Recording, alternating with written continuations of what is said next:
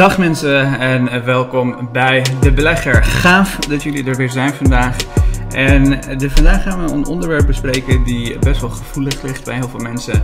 Als ik het over dit onderwerp heb, namelijk bitcoin en crypto's, dan blaft iedereen en hun hond uh, tegen me alsof ik zojuist hun, hun, hun, hun, klein kind in elkaar heb geslagen of iets dergelijks. Dus een heel interessant onderwerp. Ik ben altijd heel benieuwd waarom dit onderwerp nou zoveel mensen kwaad maakt. Waarom, hoe kan het nou dat mensen dusdanig kwaad worden dat ze daadwerkelijk dingen roepen zoals hey, haal de bejaarden weg of dat soort uh, zaken. Als het op zoiets simpels aankomt als iets innoverends als cryptocurrency waar heel veel optimisme en waar heel veel innovatie en hoop omheen, uh, uh, omheen zit. Het is natuurlijk niet zonder gevaren, want heel veel Um, mensen, wanneer, wanneer, ja, wanneer ik het over crypto's heb, het eerste wat je hoort is: je weet er niks van, dus uh, dan ben je maar negatief. Of je bent negatief, uh, bla bla bla. mensen die zijn echt heel snel beledigd als het op crypto's aankomt. Dus vandaag gaan we het even over een van de meest belangrijke aspecten hebben van valuta, van crypto's en wat er daadwerkelijk zou voor, voor zou kunnen zorgen, op misschien zelfs de korte termijn, weet ik nog niet, uh, dat de uh, cryptocurrencies eigenlijk allemaal misschien wel naar nul zouden kunnen gaan. Letterlijk waardeloos te kunnen worden. En ja, we vinden het niet leuk, zeker als je bitcoins bezit, wil je natuurlijk dat ze omhoog gaan. Maar hear me out. Kijk even naar wat ik te vertellen heb. Uh, ik weet net zoveel als jij over crypto. Ik weet net zoveel als je favoriete influencer over crypto. Die je elke dag leuke dingen vertelt. Van hey, uh, kijk eens dat Michael Saylor zoveel bitcoins heeft gekocht. Of kijk eens dat Venezuela bitcoin gebruikt enzovoorts.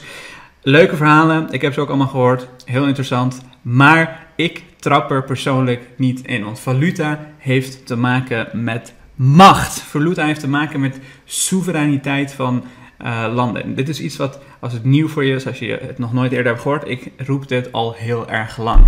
En nu zegt een van de grootste en belangrijkste spelers in de VS, die macht heeft ook hetzelfde over valuta. Laten we even luisteren naar Hillary Clinton. Laten we even luisteren naar wat zij te vertellen heeft. And then one more area that I hope nation states start paying greater attention to is the rise of cryptocurrency.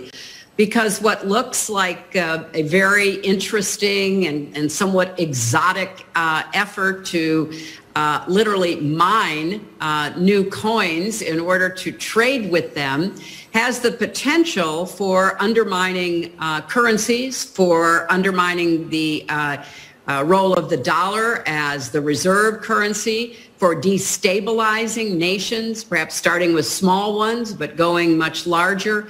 So when we think about this new environment in which we find ourselves that we've been discussing for the last uh, some minutes, um, we can't just think about nation states. And Putin is a, is a great example of that uh, because with his oligarchic uh, uh, coterie, uh, he has utilized many non-state actors to pursue personal as well as nationalistic uh, goals. And I think that's going to become a greater and greater threat. And it appears as though China is going to pre- prevent uh, outside technology uh, yep.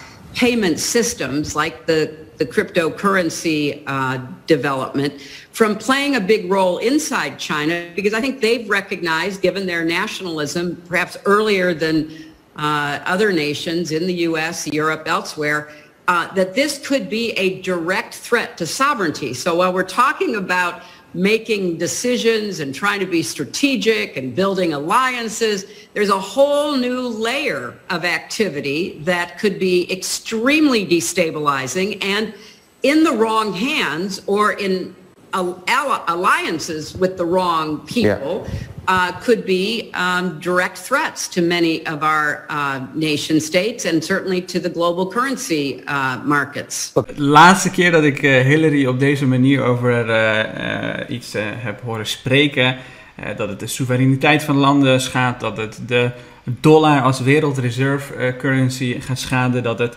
soevereiniteit van nation states simpelweg zo ver in gevaar brengt dat ze niet eens hun eigen beslissingen kunnen maken. Dan had ze het over terroristische organisaties in landen zoals Irak, Afghanistan, dat soort plekken. En je weet, dit soort belangen zijn in de wereld veel groter dan het feit dat iemand Bitcoin een geweldig ding vindt. Weet je wel?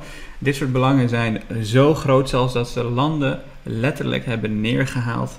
Uh, militair ingegrepen, mensen, honderden duizenden mensen vermoord. Om te zorgen dat ze een sterke machtspositie qua dollar hebben. Dat, dollar, dat, uh, de, dat olies nog steeds in US dollars worden verkocht en dat soort zaken. Dus het is van serieus belang. Als de, de Verenigde Staten dat zou willen, als ze zien dat um, Bitcoin daadwerkelijk een dusdanig gevaar wordt voor de wereldeconomie en voor hun um, currencies, dan is de kans ontiegelijk groot dat ze niet alleen zelf, maar met al, al hun allies, oftewel met alle samenwerkingsverbanden die ze hebben, ervoor kunnen zorgen dat Bitcoin iets wordt van de dark web. Dus alleen eh, in landen zoals, uh, nou, laten we zeggen, Iran, uh, Rusland, dat soort plekken zou kunnen worden gebruikt en alleen op de zwarte markt uh, wordt verhandeld. Dit is een serieus issue die zou kunnen gebeuren.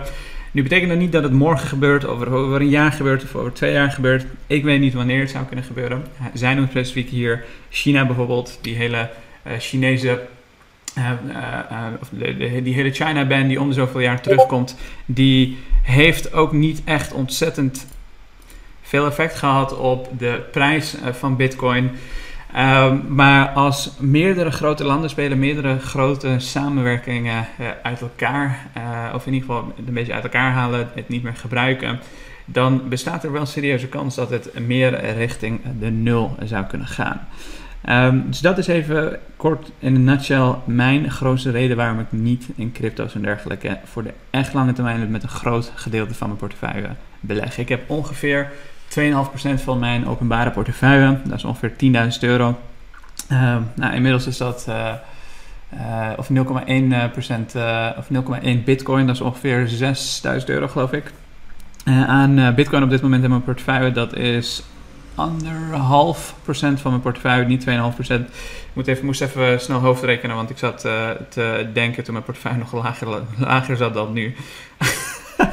maar anyways, Um, ongeveer anderhalf procent van mijn portefeuille zit dus in bitcoin. En de reden dat dat in bitcoin zit, is je moet jezelf altijd kunnen beschermen tegen onwetendheid. Stel nou dat ze te laat zijn. Stel nou dat het niet lukt om uh, de soevereiniteit van je hele land op te geven. Dat je niet meer over je eigen munt wil beschikken. Dat je niet meer beslissingen kunt laten, samenwerkingsverbanden. Dat je je eigen economie en land eigenlijk niet meer in je eigen hand hebt. Stel dat je dat als land zou willen opgeven en Bitcoin slaagt toch. En dat een uh, wereldeconomie zoals die van de VS misschien toch niet slaagt. Dat ze over de lange termijn uh, eigenlijk gewoon, net als andere wereldmachten, zoals het Verenigd Koninkrijk, zoals Nederland in de Gouden Eeuw en dat soort zaken, toch een beetje langzaamaan uit, uit elkaar valt. Dan wil ik graag dat die anderhalf procent naar misschien 20% gaat, laten we zeggen. In het, in, het aller, aller, allerbeste scenario. Um, daar zou ik een heel tevreden persoon uh, mee zijn, laat ik het zo zeggen. Dus die risico ben ik bereid om te nemen. Maar ik denk dat die kans heel erg groot is dat dat soort belangen niet worden opgegeven. Uh, uh, opgegeven. En als je een beetje bekend bent met de politiek, ik weet dat heel veel jongeren kijken naar dit soort ehm, video's. ik kom zelf uit een land die ehm, met geopolitiek in een plek ligt, Afghanistan, waar jarenlang ontzettend veel oorlog is. ontzettend veel uh, politieke belangen spelen er. En ik weet als geen ander wat macht betekent. Als de, als de VS dat zou willen samen met Europa, dan zorgen ze ervoor dat uh, Bitcoin morgen nog verdwijnt.